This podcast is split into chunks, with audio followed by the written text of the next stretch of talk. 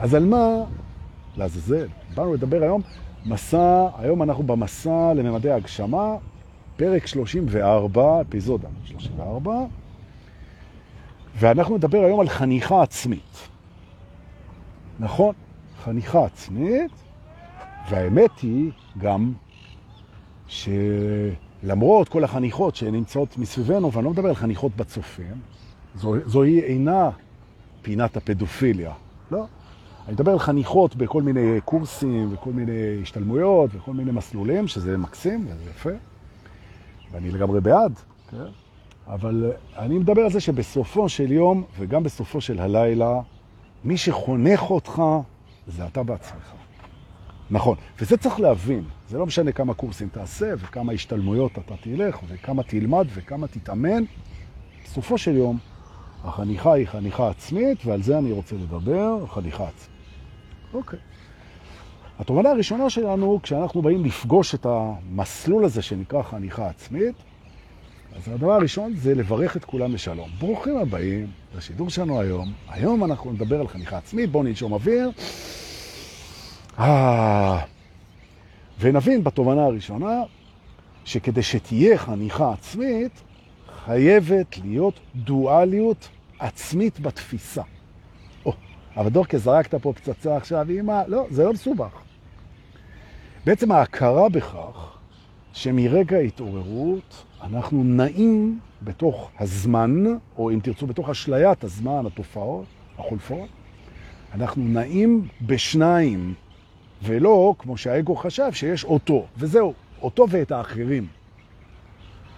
וההתעוררות וגם החניכה העצמית בעצם מגיע לשלב שכדי שתהיה חניכה עצמית, חייב להיות, חייבת להיות תקשורת בין השניים שהם אתה, שמי שעוקב אחרי שידורים, ובכלל אחרי מסלולים רוחניים, מבין שבתוכנו יש ישות שהיא ישות כפולה בעצם.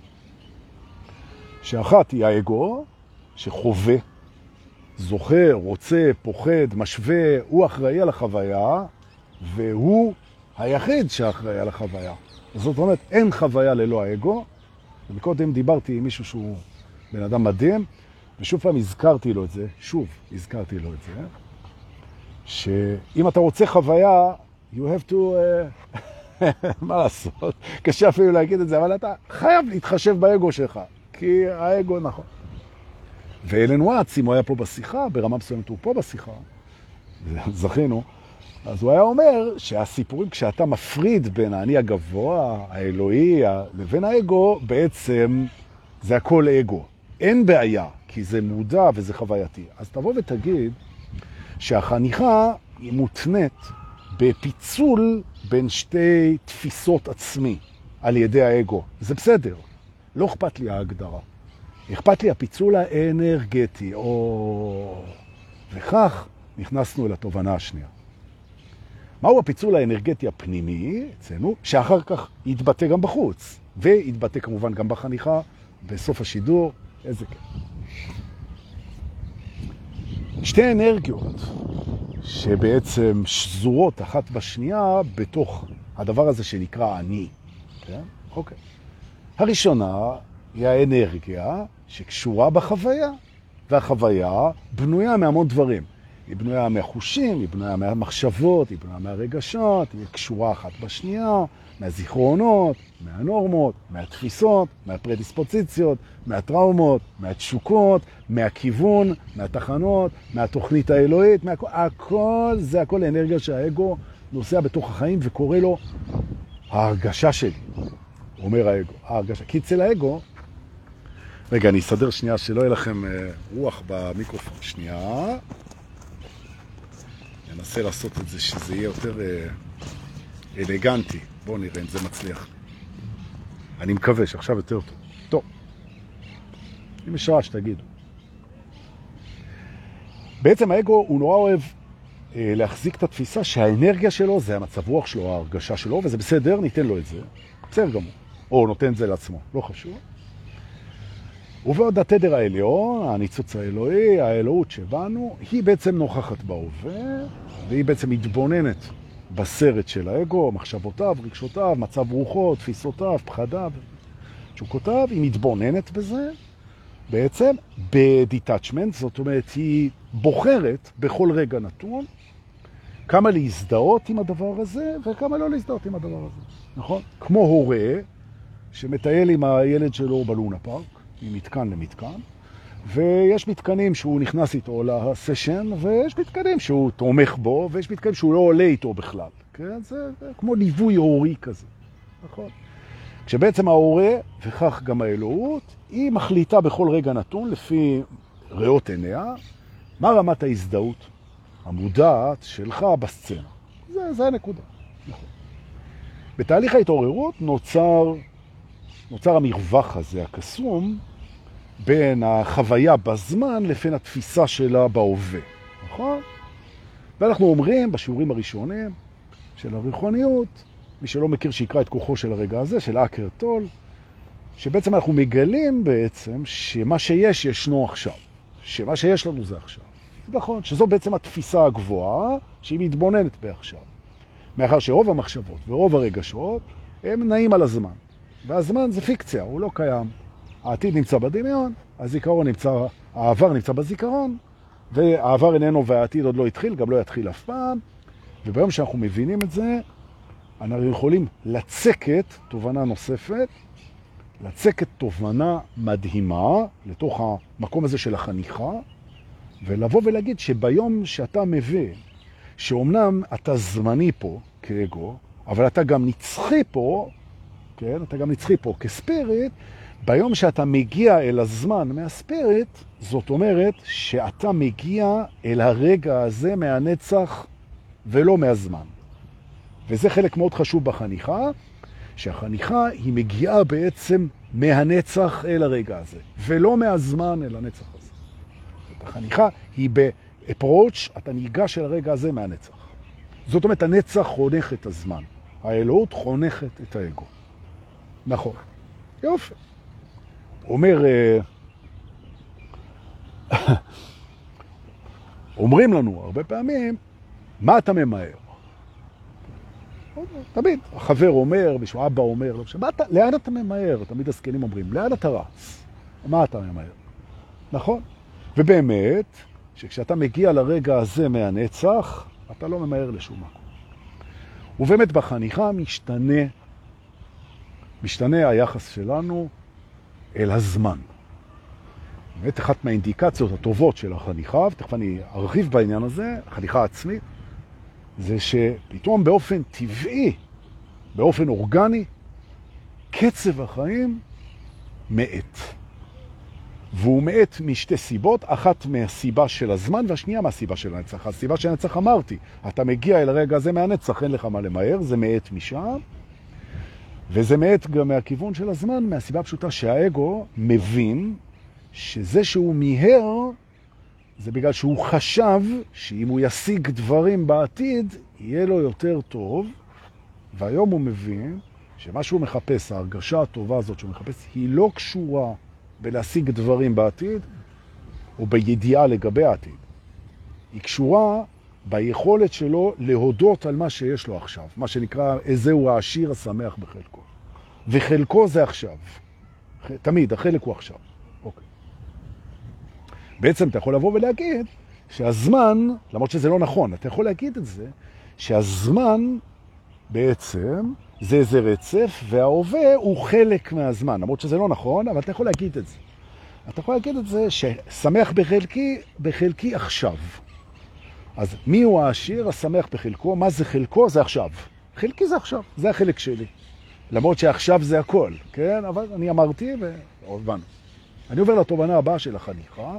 הקודמת הייתה ירידת קצב כשבאים אל הזמן מהנצח, אל הרגע הזה, והשני זה שמבינים שאין למה למהר, כי ההרגשה הטובה היא נמצאת ביכולת שלנו להיות שמחים בחלקנו עכשיו, ולכן אין מה למהר. שהמהירות בעצם, המהירות מגיעה מהמקום הלא נכון. זה מחפש משהו שנמצא כאן עכשיו, ולכן אני מעט. זאת אומרת, בחניכה העצמית אתה מדווח לעצמך שסינכרנת על עצמך קצב יותר איטי ממה שהיה, ואתה מבין כבר גם למה. הלאה. אוקיי. עכשיו אני רוצה לדבר על דרמה. רוצה לדבר על דרמה. כולנו יודעים מה זה דרמה בעצם, גלים גבוהים של רגשות ומחשבות ותפיסות, והרבה אנרגיה בתגובתיות לסרט שאנחנו חווים, אוקיי? והדרמה היא לגמרי ממלכתו של האגו, שהוא רואה את הצבעים עם ההשפעה של כל מה שקורה על עתידו, והקשר בין עברו למה שקורה עכשיו, והוא מאוד מורכב בין עצמו, והוא ישות דרמטית. והוא נברא ככזה, ויש לזה את כל המקום שבעולם. זאת אומרת, בעצם במסגרת החניכה, אנחנו מאפשרים, ביחד עם האגו, לדרמה להיות. יש מקום לדרמה, כמו שיש מקום לכל תחושה, לפחד ולייאוש ולתסכול, ויש מקום. בחניכה אנחנו מבינים שאין לנו שום בעיה להרגיש את כל התחושות, כל הדרמה, את כל הצבעים, לא נמנעים מהדבר הזה. נכון, שזה מדהים. שמה שהאגו יודע לייצר בתגובה לחייו זה לפעמים דרמות משוגעות לגמרי, יש לזה מקום. יש לזה מקום. מצד אחד. מצד שני בחניכה, כן, זה שיש לזה מקום, זה לא אומר שזה ככה. אנחנו בעולם חווייתי, תופעתי, שקרי, זמני, סובייקטיבי, השוואתי, וזה שלדרמה יש מקום, זה כי זה בסרט יש מקום לדרמה, אפילו הרבה מקום. ולכן נשמח בדרמה, אבל אנחנו נזכור ביחד עם האגו, ביחד עם האגו, שזה שזה לא אמיתי, ותכף אני אסביר מה זה אמיתי ומה זה שקרי. זה שזה לא אמיתי, זה לא סיבה להימנע מהדרמה. והחניכה היא בנויה על זה שידיעת האמת לא מבטלת את הדרמה, כי באנו לפה בשביל הדרמה גם, ובשביל הכאב והפחד והייאוש והאהבה וההתאהבות והמסתורין, כל התחושות האלה, והגעגוע, נכון? ואפילו האימה לגמרי, והללכת לאיבוד וכל החוויות האלה, באנו גם בשביל זה, ואנחנו בוודאי ובוודאי לא חושבים שאנחנו נחנוך את עצמנו על ידי זה שאנחנו נייתר את הרגשות ואת התחושות ואת הזיכרונות ואת התשוקות, ונהפוך לאיזה מין זומבי ספיריט כזה שמסתובב פה ושום דבר לא נוגע בו. זה בוודאי ובוודאי לא המטרה של ההתעוררות. נכון. ההפך, דווקא מי שער, הוא יכול לחוות את כל מה שקורה פה בצבעים הכי חזקים, ולתת לעצמו גז על כל התחושות, ולתת לאגו להסריט את הסרט במלוא תפארתו, בידיעה שזה שיש בזה תפארת והוד וצבע ועליות וירידות והכל, זה עדיין לא אומר שזה אמיתי. נכון? כי מה שאמיתי לא משתנה. ופה הכל משתנה. הדבר היחיד שלא משתנה פה זה השינוי. הכל משתנה, אז הכל לא אמיתי. נכון. וזה שזה לא אמיתי, זה לא אומר שלא צריך ולא כדאי ולא שווה לחוות את כל הדבר הזה. נכון, זה מדהים, הבריאה זה דבר מדהים.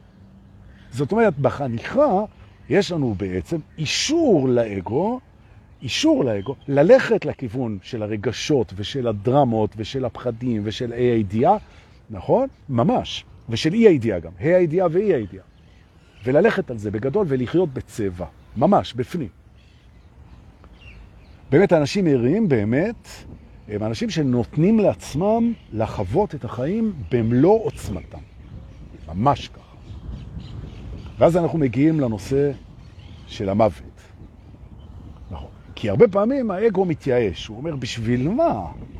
כל הסיפור הזה, איך לעבוד ולהתאהב ולעשות ילדים, כשהכל בעצם, כמו בברנינגמן, הכל בעצם בסוף נשרף באש הזמן והופך לשחור אחד גדול, של למה בכלל כל הסיפור. ובחניכה מודיע האגו, שהוא זה שחונכים אותו, שהוא הבין שבלי זה, שזה מסתיים לגמרי, החוויה, המחשבה, הזהות, זה לא היה יכול להתחיל. ביום שהוא מבין את זה, שמתנת החיים ומתנת המוות זו אותה המתנה, אז הוא משתחרר מהשאלה הזאת, למה כל זה אם זה נגמר? בדיוק הפוך. למה כל זה אם זה התחיל? או... זאת אומרת, היופי בחיים הוא לא מאומם מזה שיש להם סוף. ההפך, הוא מתחזק מזה שיש להם סוף, וזה חלק מהחניכה. ביום שהסוף של החיים מתורגם אצל האגו כפוטנציאל, אז אתה מוכן לחניכה שלך. יופי. עכשיו אנחנו מגיעים לענייני הזהות. אוקיי? האגו מבין, לקראת החניכה שלו, שהזהות שהוא בחר לעצמו היא לא אמיתית. הוא בחר לעצמו את זה מכל מיני סיבות, בדרך כלל, בגלל שהוא חשב שאם הוא יהיה בזהות הזאת, אז הוא יהיה יותר אהוב, או יוכל יותר לאהוב את עצמו, או יהיו לו חיים יותר טובים. ובעצם הבחירה בזהות היא בחירה. והוא בוודאי ובוודאי שבן אדם הוא לא הזהות שלו, לא בעיני עצמו ולא בעיני אחרים. במסגרת החניכה יש קבלה של הזהות כדבר לא אמיתי, ואפשרות אה, לבחור זהות אחרת, שגם היא לא תהיה אמיתית, שמתאימה יותר למי שאתה רוצה לי. או במילים אחרות, אתה מבין שהזהות אינה כלא, היא אינה חוזה, ואתה לא חייב לתמוך בה, ואתה לא חייב לבסס אותה, ואתה לא חייב, זה זהות של מצליחן, או של עורך דין, או של uh, מאצ'ו, או של uh, אשת אדמה, או כל זהות אחרת. זהות כמו כל דבר בממד הזה, טוב לה שהיא תשרת את מי שאתה רוצה להיות, אוקיי? Okay? ובתהליך ההתעוררות, מה שאנחנו רוצים להיות זה קודם כל, ולפני הכל, ישרים, אמיתיים ואוהבים עם עצמנו, וכדאי שהזהות תשרת את זה קודם כל, אחר כך כל השאר. אוקיי? אז זה בחניכה. אוקיי? הלאה. בחניכה אנחנו מגיעים להסכם חדש עם האגו, או אם תרצו, בתפיסה של אלן וואטס, האגו מגיע להסכם חדש עם עצמו, לא משנה. לגבי הפחד, אוקיי? לפני ההתעוררות אנחנו מפחדים מהפחד. הפחד הכי גדול שלנו זה מתחושת הפחד. ובמסגרת ההתעוררות וכל מה שאנחנו עוברים, ואנחנו עוברים כל אחד במסלול המדויק לו ואין מה להשוות, אנחנו מגיעים לצומת הזה, צומת זה זכר, אנחנו מגיעים לצומת הזה שבו אנחנו מבינים שאנחנו נרשה לעצמנו לפגוש את הפחדים שלנו, ושהפחד לא רק זה שפחד בבסיס שלו הוא אהבה, אלא הפחד שלנו מלפגוש את הפחד, זו הייתה מבחינתנו הבעיה, זה היה המחסום, ואנחנו מסכימים להרגיש את הפחדים שלנו, להיות בהם, לא לברוח מהם, לפגוש אותם עם עיניים פתוחות, ואפילו לעבור דרכם. כמו גלים, נכון, לעבור דרכם. לראות אותם, לפגוש אותם, להרגיש אותם ולעבור דרכם. במסגרת החניכה וההתעוררות, אנחנו לא נפטרים מהפחדים שלנו, זה לא המטרה שלנו. אנחנו פוגשים את הפחדים שלנו ומסכימים לפגוש אותם. והיעלמות הפחד מהפחד זה תנאי לחניכה. הלאה, אני עובר תובנה. Okay. אוקיי. בעצם מהי החניכה? תמיד שואלים אותי, אוקיי, וזה, תגיד לי, מה? החניכה. החניכה היא בעצם מדרגה בדרך, שאתה כבר מבין, שאתה כבר מבין שהשינוי שחל בך, שהשינוי שחל בך הוא אמיתי, מה זה אומר? זאת אומרת שבעצם אתה יותר קרוב למי שאתה אחרי השינוי מאשר למי שהיית לפני השינוי. וזה לא אומר שלא יהיה לך רגרסיות. זה לא אומר שאתה לא תמצא את עצמך עוד פעם בתחתית גרם המדרגות. זה לא אומר שאתה לא תמצא את עצמך פתאום כן מפחד מהפחד, או שופט, או נצמד לזהות, או מפחד מהמוות. בכלל לא. זה רק אומר שמבחינה אנרגטית, הנה הגעתי בעצם, האנרגיה שלך ברובה מסתנכרנת, ברובה מסתנכרנת עם האנרגיה של הבורא שלך. מה זה אומר? שבעצם האנרגיה שלך היא לא מגיעה, היא לא מגיעה מהמחשבות שלך, גם, אבל היא לא מגיעה מהמחשבות שלך, היא מושפעת מהמחשבות שלך, מושפעת, אבל היא לא מגיעה משם בעצם, אלא מגיעה ממשהו שנמצא בתוכך ובתוך כל דבר, ועצם האנרגיה שלך זה משהו שבא מבפנים, והמחשבות על מה שקורה איתך בחוץ, יש להם השפעה על חוויית האנרגיה שלך. נכון. זאת אומרת, בעצם החניכה שמה אותך על פלטפורמה שבו, שבה אתה מבין בעצם, על הפלטפורמה הזאת, אתה מבין שהדבר שהכי שווה לתחזק אותו, הכי שווה להתעסק איתו, הכי שווה לנוע אליו, הכי שווה להתחבר אליו, ושייתן לך את כל מה שאתה מחפש. הדבר הזה הוא א', נמצא בפנים, ב', הוא נמצא בכל דבר, ג', הוא תמיד, תמיד, תמיד היה, ישנו ויהיה איתך, מה שהוא אומר, שאתה לא לבד. בעצם תבוא ותגיד שחניכה היא סוף הבדידות בחייך, וזה לא משנה את העובדה שלפעמים אתה תחוש בודד כי החוויה היא דואלית, וגם אם אתה לא בודד בכלל, כדי להרגיש את זה אתה תצטרך לפעמים להרגיש את ההפך. והנה אנחנו נזכרים בעוד משהו, שבעצם הדואליות מחייבת הפכים, ולא משנה כמה ער או מואר הלוואי על כולם. כן? למרות שיש כאלה שאומרים שאין דבר כזה, אבל זה לא משנה. זה לא משנה כמה יציב, וכמה טוב, וכמה ער, וכמה מואר, וכמה שלב, וכמה שמח, וכמה אוהב אתה תהיה. בחוויה יהיה לזה הופכי. ובחניכה אנחנו בעצם מברכים על ההופכיות הזאת, ובעצם מבססים את המצב שכשאנחנו נחווה את ההפך, את הפחד, את הייאוש, את הלחץ, את הכאב, את כל הד... את, מה... את הלא רצוי, אנחנו נדע שזה בעצם לא אומר שום דבר חוץ מזה שכדי לחוות את האמת צריך גם לחוות שקר. או במילים אחרות, חוויית האמת היא לא אמיתית, כמו שגם חוויית השקר היא לא אמיתית. אבל האמת אמיתי והשקר הוא שקר. וכל הגאונות פה זה שאנחנו מבינים שכדי לחוות אמת צריך גם לחוות שקר. נכון. והחוכמה, וזוהי החניכה, לזהות בזמן החוויה, האם אתה חווה אמת, למרות שהחוויה היא לא אמיתית, כי היא חולפת, או אתה חווה שקר. ואני רוצה להסביר את זה. כי כשאתה, למשל, חווה פחד, אז אתה חווה בעצם מחשבה של הדמיון. ומחשבה של הדמיון זה משהו שהוא איננו פה. פחד הוא מול העתיד. ולכן אתה חווה פחד, והפחד הוא ממשהו שהוא איננו. לעומת זאת, כשאתה חווה חיבור, חווה אהבה, חווה יצירתיות, חווה נתינה, אז כל אלה הם מהות פה. אז אתה חווית משהו שהוא אמיתי, אבל החוויה חולפת והיא לא אמיתית. או במילים אחרות, החוויה היא שקר, החוויה היא שקר תמיד. אבל את מה שהיא משקפת, לפעמים זה אמת ולפעמים זה שקר. והחניכה מבססת את זה שאתה תדע.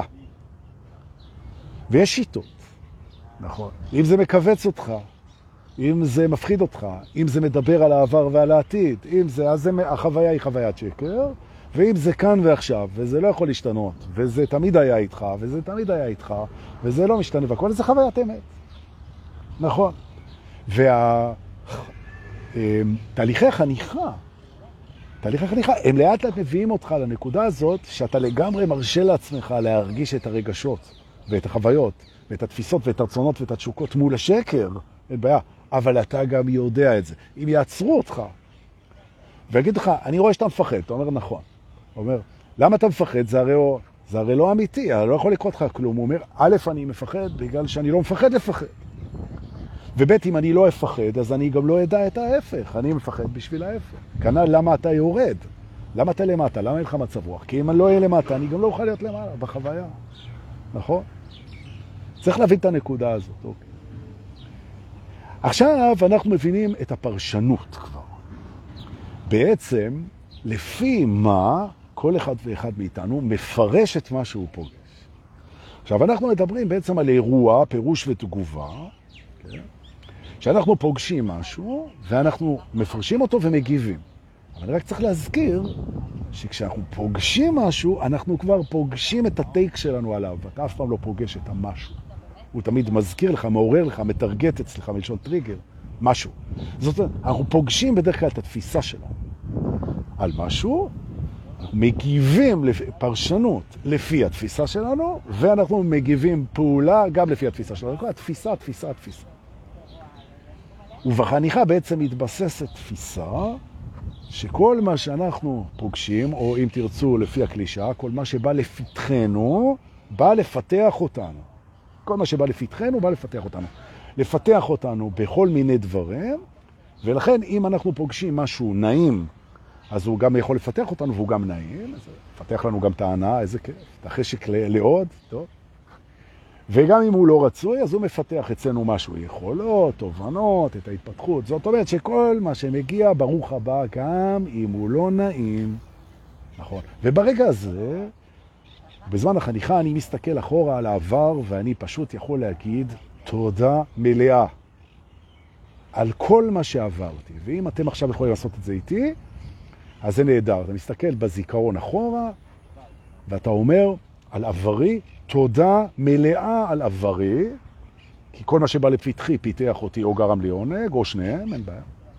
בוודאי ובוודאי אני יכול להודות על עכשיו, נכון, הרגע הזה, שהוא נהדר, כבר אמרו עליו הרבה דברים, ועל העתיד אני גם, אני יכול בעצם להודות על העתיד צ'ק בלנקו, כי כל מה שיבוא לפתחי, או שהוא יענג אותי, או שהוא יפתח אותי, או שהוא יעשה את שניהם, ועל המוות שמחכה לכולנו בסוף, אני בוודאי ובוודאי יכול להגיד תודה, כי בלעדיו לא הייתי נולד, ולא היה חיים, ולא הייתי יכול להגיע למצב שבו אני יושב בטקס החניכה שלי עם עצמי ואומר תודה על העבר, על ההווה, על העתיד ועל המוות. נכון. החניכה משנה את התדר, וכשאתה קם בבוקר אתה מרגיש את זה, כי הדבר הראשון שאתה קם בבוקר, שאתה עושה, אתה קם בהודעה על זה שקיבלת עוד יום להתפתח ולאהוב ולתת את מתנותיך ולקבל את מתנות היקום, שזה אותו דבר, וזה לפני שהראש אומר לך, אה, קמת? בוא נראה מה צריך להשיג. מהות לפני רצון. עוד פעם אני אגיד את זה, לאחר החניכה העצמית אתה קם אל המהות, אתה לא קם אל הרצון. נכון, אתה קם אל הנשימה, אתה קם אל האהבה, אתה קם אל ההגשמה העצמית, אתה קם אל העני הגבוה שלך, אתה קם אל התודה, אתה קם אל הערכה, נכון? אתה קם אל הנתינה, אל החלוקה, אל השפע, ואחר כך, ויש לזה מקום, אתה פוגש גם את הרצון ואת המחשבות ואת הרגשות ואת התשוקות ואת האנושיות שלך במיטבה. נכון, או במילים אחרות, החניכה שינתה בעצם בהסכמת האגו את סדר החשיבות של הפגישה שלך עם כל יום. קודם לפגוש את המהות, אחר כך לפגוש את כל השאר. נכון? וזה שינוי מדהים. זה שינוי מדהים. וכך בעצם לאט לאט אתה חונך את עצמך, ואתה פתאום רואה בשיקופים שלך, ואני שיקוף שלך, ואני גם משקף לך את זה שחונך אותך מבפנים, ותודה על האמון. פתאום אתה רואה שהחונכים שיש לך בחוץ, אין לך בכלל מה להתנגד לדבר הזה, כי זה בכלל שיקוף של החונך הפנימי שלך. נכון? זה הכל. עכשיו, לפעמים הם משקפים לך את זה בצורה שהיא מקובלת עליך, תלך עם זה, ולפעמים משקפים לך את זה בצורה שלא מקובלת לך, אז אל תקבל את זה, זה בסדר גמור, זה בא לפתחך. אתה יכול לקבל את זה ואתה יכול לדחות את זה, וזה הכל בסדר, וזו זכותך המלאה. נכון. לך עם הלב שלך. תובנה מסכמת. החניכה נותנת לאינטואיציה, לקול הפנימי, להרגשה, ללב ולאמון בדרך, היא נותנת את המקום המרכזי. מה שלא היה פעם, פעם זה היה הערכות מצב של המחשבות. פתאום משהו שאתה לא בדיוק יכול לחשוב אותו, או להבין אותו, כמו אהבה, כמו מוזיקה, כמו אלוהות, פתאום זה מכוון אותך. ואתה רואה גם שהוא מכוון אותך מצוין, וגם אתה לא צריך הסברים, אתה סומך עליו יותר ויותר, יותר ויותר. או במילים אחרות, האמון הופך לפחות מוסבר ויותר חזק. נכון. ובשלבים האלה, שאתה נמצא שם, אז אתה כבר בעצם עברת את החניכה העצמית, ואתה מוכן להמשך הדרך, ואני אדבר על המשך הדרך, אבל לא בלייב הזה. אה, נכון. כי אם אני אספר הכל עכשיו, אז מי יהיה איתי בלייב הבא? אני אשאר לבד בפארק. שרק הציפורים והכלבים מלווים אותי בדרכי הראשונה. אוקיי, כי הכל מתחיל מחדש, כן? תגיד הרבה תודות, ולתת חיבוקים ונשיקות וללכת. ביי.